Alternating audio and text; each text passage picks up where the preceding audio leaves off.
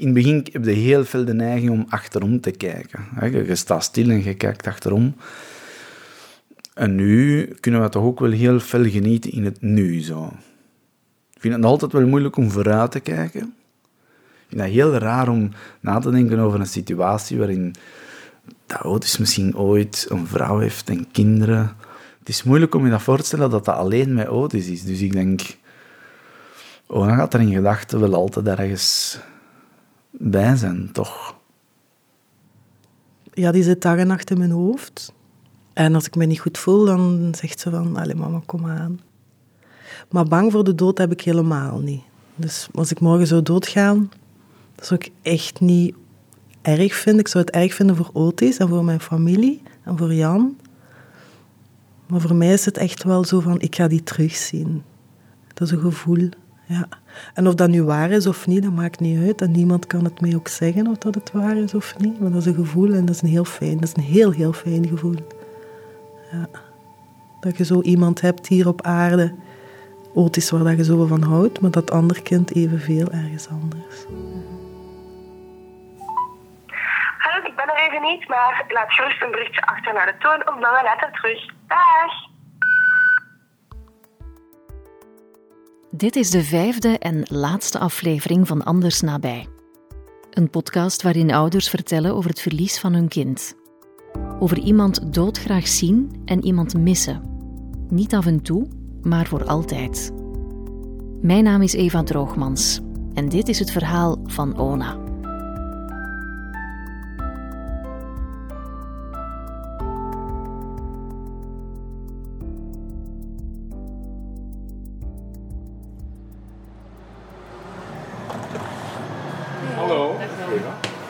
Was aangekondigd. Ja, zie.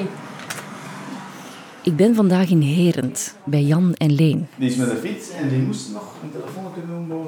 Het is een zachte dag in juli en de zon doet haar best om door de hoge wolken te breken. Het is lunchtijd. Ja. Dat kan. Dat is Zo weer. Jan en Leen zijn een geolied team in de keuken. Ik kan nog wel mayonaise.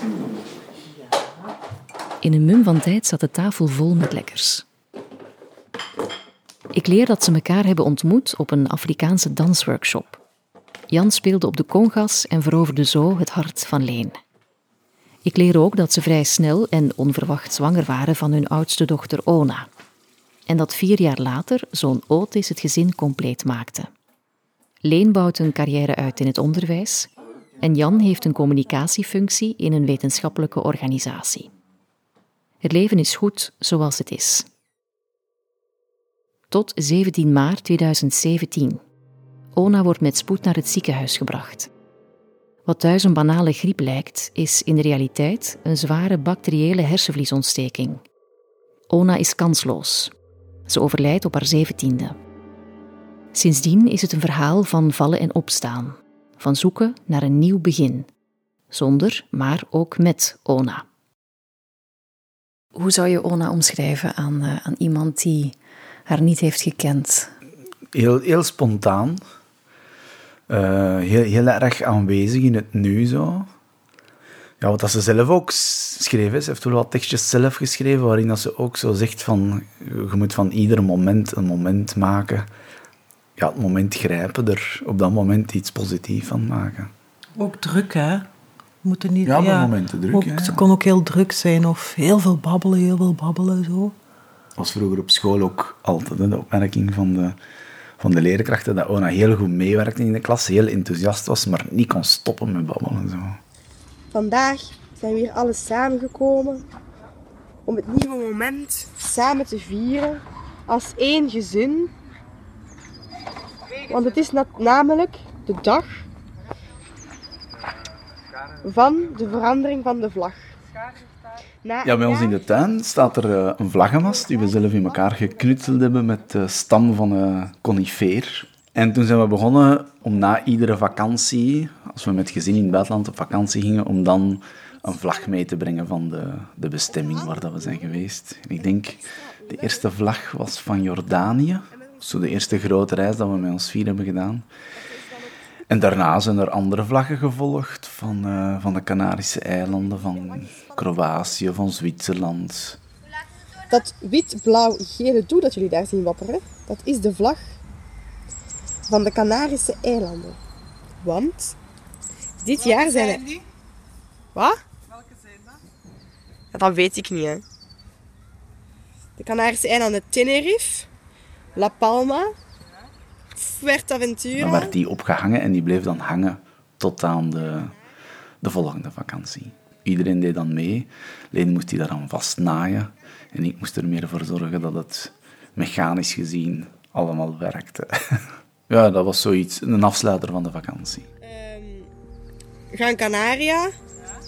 Ehm Santa Cruz, La Palma. Fuencaliente. Eh, El Heros of zoiets. Lanzarote. Is het dat? Yes, kids. Dus dit is de vlag van eh, de Canarische eilanden, want wij zijn dit jaar naar eh, La Palma geweest. Met als hoofdstad Santa Cruz de La Palma.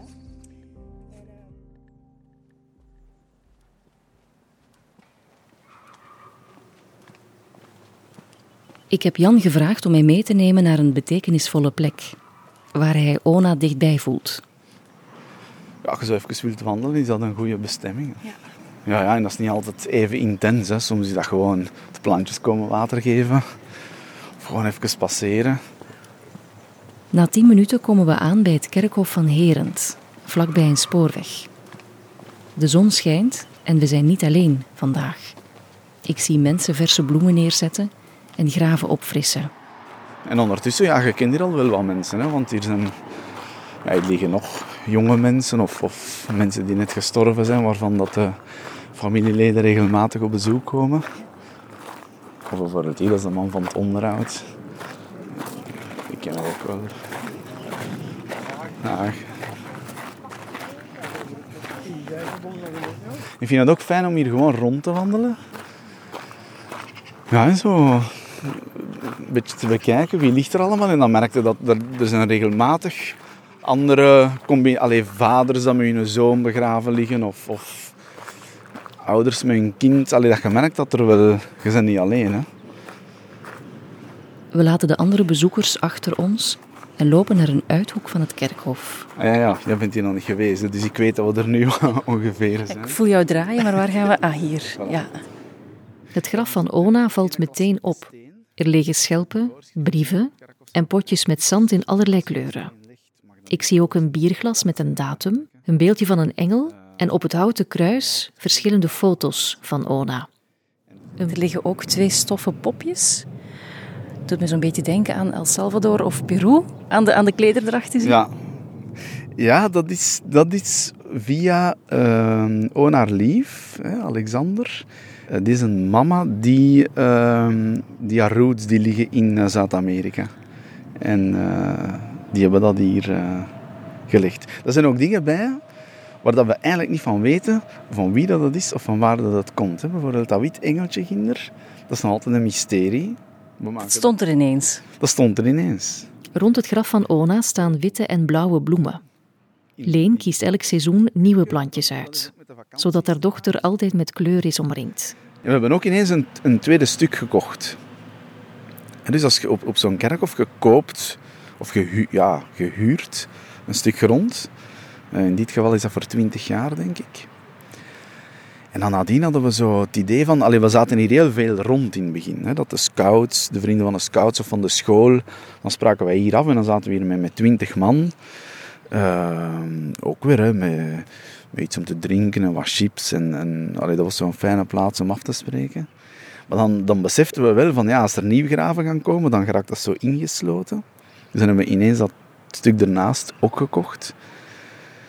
En dat, ja, dat is natuurlijk ook fijn, omdat we dan eventueel...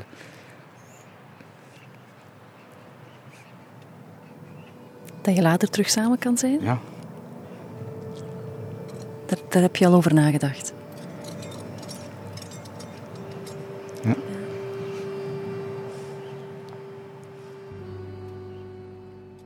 Vlak aan onze voeten staat een kleine windmolen. Hij is blauw met witte stippen en hij draait af en toe mee als er een zucht wind voorbij komt. Het heeft iets geruststellends. Drie weken na het overlijden van Ona gaat Jan terug werken. Dat lijkt hem op dat moment een logische keuze. Maar het verdriet haalt hem in. En hij besluit langere tijd thuis te blijven om echt stil te kunnen staan. En als je voltijds werkt dan, dan, en je komt thuis en er moet gekookt worden en er zijn nog vragen van school en zo, dan, dan is die tijd er niet. Dus ik, moet voor mezelf echt die rust inbouwen om daar voldoende mee in verbinding te kunnen gaan. Je krijgt enorm de neiging om ook over jezelf te beginnen nadenken. Van, hoe wil ik nu nog verder leven? Omdat je beseft van het kan ineens gedaan zijn. En dan, ja, hoe, hoe, hoe wil ik eigenlijk dat mijn leven er zou uitgezien hebben? De, de, de grote behoefte om dingen te doen die, die, die dicht aanleunen bij wie dat je echt bent. Zo. Hoe doe je dat als koppel? Want je kan niet altijd, denk ik, aanvoelen wat de ander nodig heeft. En ik denk als je zoiets meemaakt als jullie, dat je in de eerste instantie gefocust bent op zelf, op zelf kunnen overleven en zelf een weg kunnen vinden. Ja, dat is, dat is zoeken. Hè. Ehm, want als, als je echt diep zit... Allez, in mijn geval ben ik dan liefst alleen. Leen heeft, is dan ook graag alleen, maar heeft meer dan ik wil behoefte om dingen samen te beleven.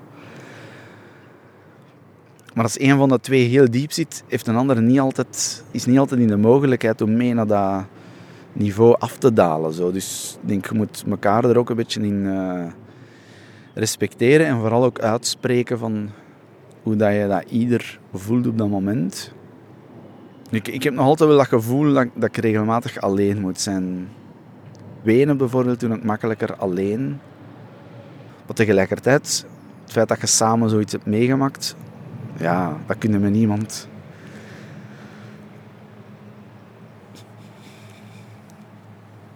Dat kan, je met, dat kan je met niemand anders delen. Dus dat zorgt wel voor, uh, voor een hele sterke band.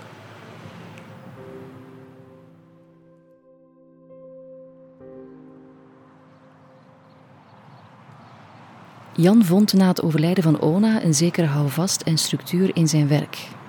Voor Leen was dat niet zo. Voor de klas staan ging niet meer. En ze koos voor een heel andere richting. En het is daar op die nieuwe werkplek dat ik haar opzoek. Hallo? Met uh, Eva Droogmans. Hallo? Ja, kom maar binnen, mevrouw.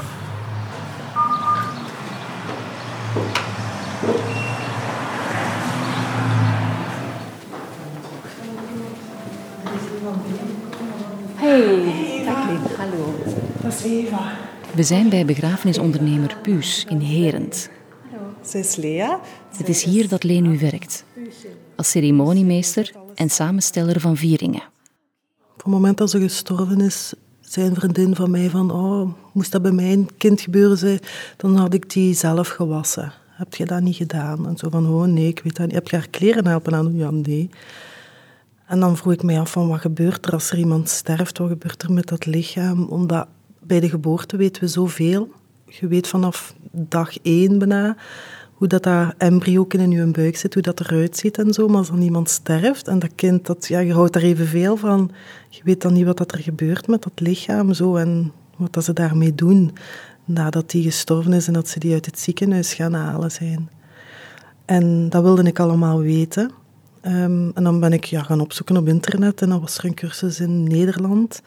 Die cursus heb ik gedaan, maar ook zo met camouflagetechnieken. Als er nu iemand gewond is of zo, moet je die dan ja, zorgen dat die terugtoonbaar is. En dan ben ik naar hier gekomen en dan gezegd van ik wil hier werken als ja, uh, overledene opbaren. Maar daar hadden ze dan niet direct werk voor, maar dan wel voor vieringen te maken. Maar het feit dat ik dan nu beide kan doen, vieringen schrijven en dan mede opbaringen, dat is toch mooi. Mag ik zeggen dat dat als buitenstaander een, een lugubere job lijkt? Misschien had ik dat vroeger ook zo gezegd hebben, net hetzelfde. Maar het is ook wel, na een tijd wordt het ook wel gewoon. Hè? Als ik denk aan je eerste overledene, of je ziet er heel veel, na een tijd, ja, hoort dat, en dat hoort bij het leven. Nu, voor mij hoort dat bij het leven, omdat Ona ook dood is en toch hoort die in mijn leven. Dus voor mij is dat helemaal niet luguber. Ik vind gewoon dat er veel te weinig over gepraat wordt en dat je best wel verder kunt leven met iemand die je heel graag ziet, maar die gestorven is. Dat die je helpt om verder te kunnen leven. Ik heb het uh, van achter al opengezet. Het is een grote ruimte. Ja, het zijn drie groetruimtes. Ja. We lopen verder naar groetruimte C, waar Ona lag. Voor mij is dit een plek waar ik liefst niet kom. Maar voor Leen heeft deze ruimte een heel waardevolle betekenis. Ja, ja, dat is omdat het inderdaad de laatste keer is. En dat heeft mij hier ook een heel goed gevoel gegeven dat ik eh, hier bij haar kon zijn. En ik heb ook mijn ding hier mogen doen. We hadden Ona haar levenscirkel hier ja, getoond. Haar eerste schoentjes, haar eerste kroon. Dan kreeg ik het wel moeilijk. Ja, je had een heel warm gevoel bij iedereen. Zo. Een heel groot samenhorigheid. Het heeft ook heel lang geduurd, die begroeting. Ehm, iedereen zei van, ja, jullie zijn zo sterk. Maar op dat moment, ja, was dat heel fijn. Want je, zijt met de mensen die je graag hebt, zo, hè. En zij is er nog zo. Als jij hier rondloopt, voel je haar dan altijd bij jou? Of uh, is dat gevoel um, meer en meer in evenwicht? Ja, als ik hier rondloop, voel ik haar niet bij mij. In die zin, um, wacht, je hebt, ik kan haar voelen en me heel slecht voelen. Heel verdrietig, heel pijn, heel pijn. Of ik kan haar voelen en dan in de positieve zin.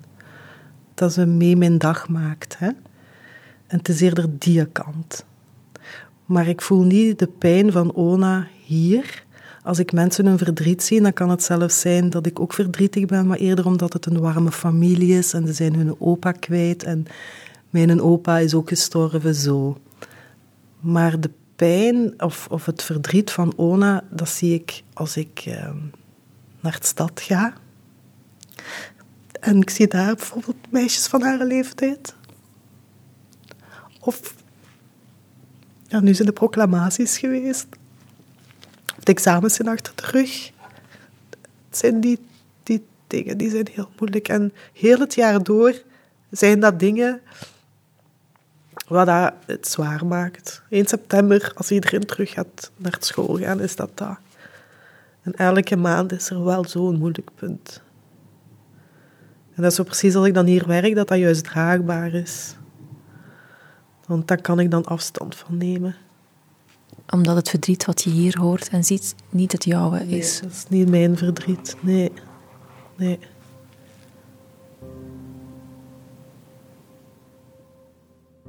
Hoe hou je iemand dichtbij?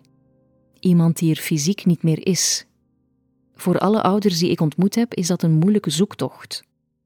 Te dichtbij betekent weinig plaats voor een noodzakelijk nieuw begin, maar te veraf voelt als een soort verwaarlozing van wat is geweest. Jan en Leen willen mij nog graag de kamer van Ona tonen. Het is geen afgesloten ruimte. In deze kamer wordt nog altijd geleefd.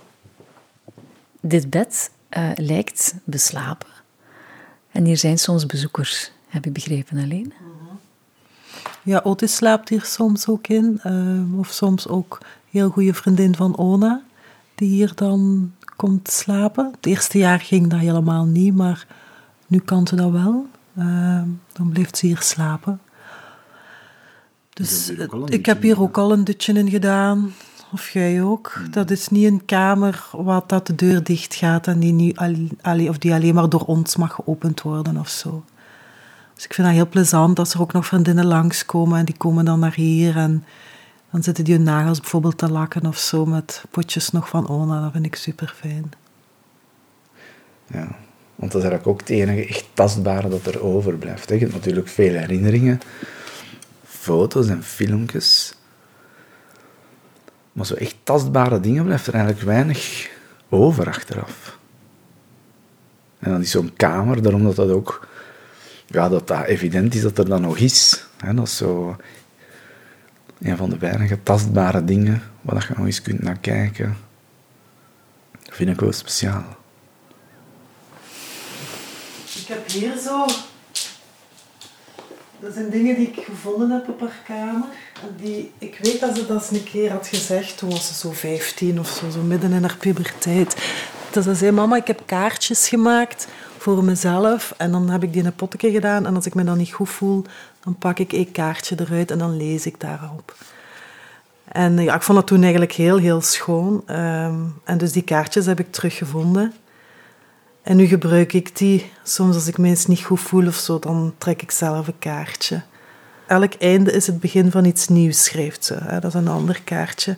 Dat zijn zo van die citaten die je zo in de flow of zo vindt. Maar deze hebben nu zoveel waarde, omdat ze haar naam daar heeft ondergeschreven. Altijd op dezelfde manier. En da daarom is dat zo, ja, dat is zo waardevol voor ons. Zo. Zo had ze ook een van, geef de moed niet op. En dat heb ik dan aan Otis gegeven als ze aan het, aan het leren was tijdens de examens. Zo. Ja. dan is ze er ook zo'n beetje bij. Zo, hè, van, kom maar, ik moet het doen voor Ona. Ja,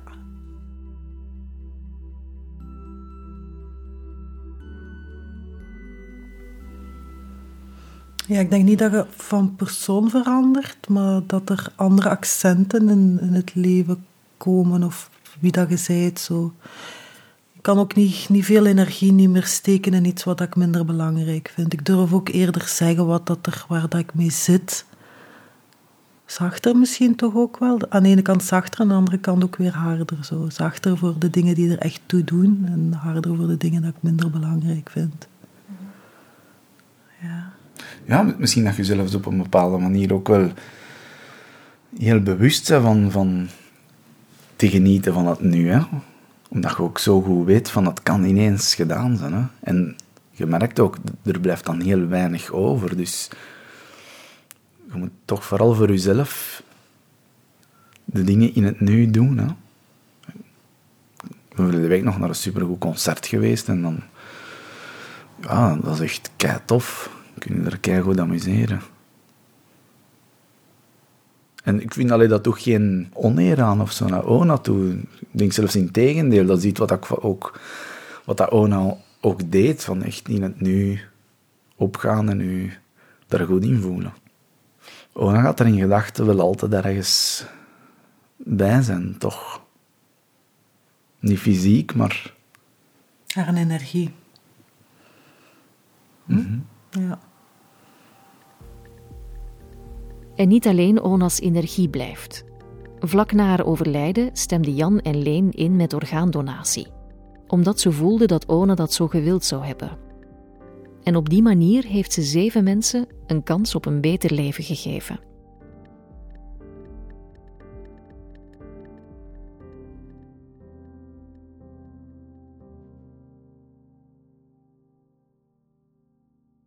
De gesprekken met Jan en Leen laten mij niet makkelijk los, omdat hun verdriet zo tastbaar was.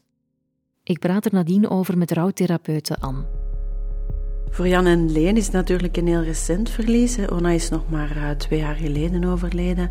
En ik denk dat een van de dingen die Jan en Leen heel mooi weergeven in, uh, in wat dat zij zeggen, is hoe dat hun rouw ook evolueert over de tijd heen. En dat is toch voor vele mensen zo dat er uh, dat zij spreken over een evolutie van iets wat daar voorheen iets is van de rouw heeft mij beet, naar ik heb mijn eigen rouw iets meer beet, iets meer onder controle, ik heb er zelf iets meer vat op. En dat maakt ook dat je als koppel, zeker als je zelf de rouw nog niet zo hard beet hebt, dat, je soms heel, dat het soms heel moeilijk is om elkaar af te stemmen, hè? dat je elkaars verdriet ook heel erg voelt. En dat je dat er soms ook gewoon niet meer kunt bijnemen. En dat, er een, dat je elkaar wat de, de ruimte en de afstand moet gunnen. Uh, dat ieder op zichzelf wat um, daarmee kan bezig zijn. En, wat, um, en dan is het wat zoeken naar een andere manier van afstemming met elkaar. En dat is ook, uh, ook voor Jan en Leen, ook zo in het professioneel leven, dat dat toch iets is wat dat ieder voor zich in zijn eigen carrière wat moet gaan uitzoeken. En dat hoorde bij de meeste mensen, dat ze toch wel een, een, um, hun eigen professioneel leven helemaal moeten gaan herbekijken of herinvullen of anders invullen. Wat ik ook heel mooi vind bij Jan en Leen, en dat hoor ik natuurlijk nog bij vele andere ouders, is dat zij, hoe dat zij toch kunnen blijven staan in iets van uh, laat ons toch nog genieten, naast het intense verdriet dat we ook hebben, maar laat ons toch nog iets maken van het, het verdere leven. En dat is iets wat ik bij vele ouders en bij vele koppels merk, die er toch nog in slagen om zichzelf die toestemming te geven. En een deel van die toestemming zit vaak ook um, in een toestemming die je van het kind gekregen hebt, zeker na een periode van, van ziekte, dat een kind dat effectief ook gezegd hebt van maak er nog iets van. Of um, voor velen die die kans niet hebben gekregen, zit dat toch ook wel in de, in de blijvende band die ze hebben met het kind, dat ze de toestemming voelen van hun kind om, uh, om toch nog iets van hun leven te maken en toch nog te blijven genieten. Als je meer informatie wil over het boek, kijk dan eens op andersnabij.be. Deze podcast werd gemaakt door mij, Eva Droogmans, en Sarah Gieles zorgde voor de muziek. Tot slot nog dit. Je vraagt je misschien af waarom ik deze podcast gemaakt heb. Omdat ik besef hoe fragiel mijn geluk is. Hoe weinig ik zelf in de hand heb. Je probeert voor je kinderen een veilige kokon te creëren, maar je mogelijkheden zijn beperkt. En dus ben ik op zoek gegaan naar antwoorden, naar hoe dwaas ook een soort handleiding tegen hartzeer. Zo'n verhalen zijn het niet geworden. Maar ik zag wel hoe krachtig liefde kan zijn. Hoe het zelfs de dood buitenspel zet. En het is liefde die deze mensen verder doet gaan. Elke dag opnieuw.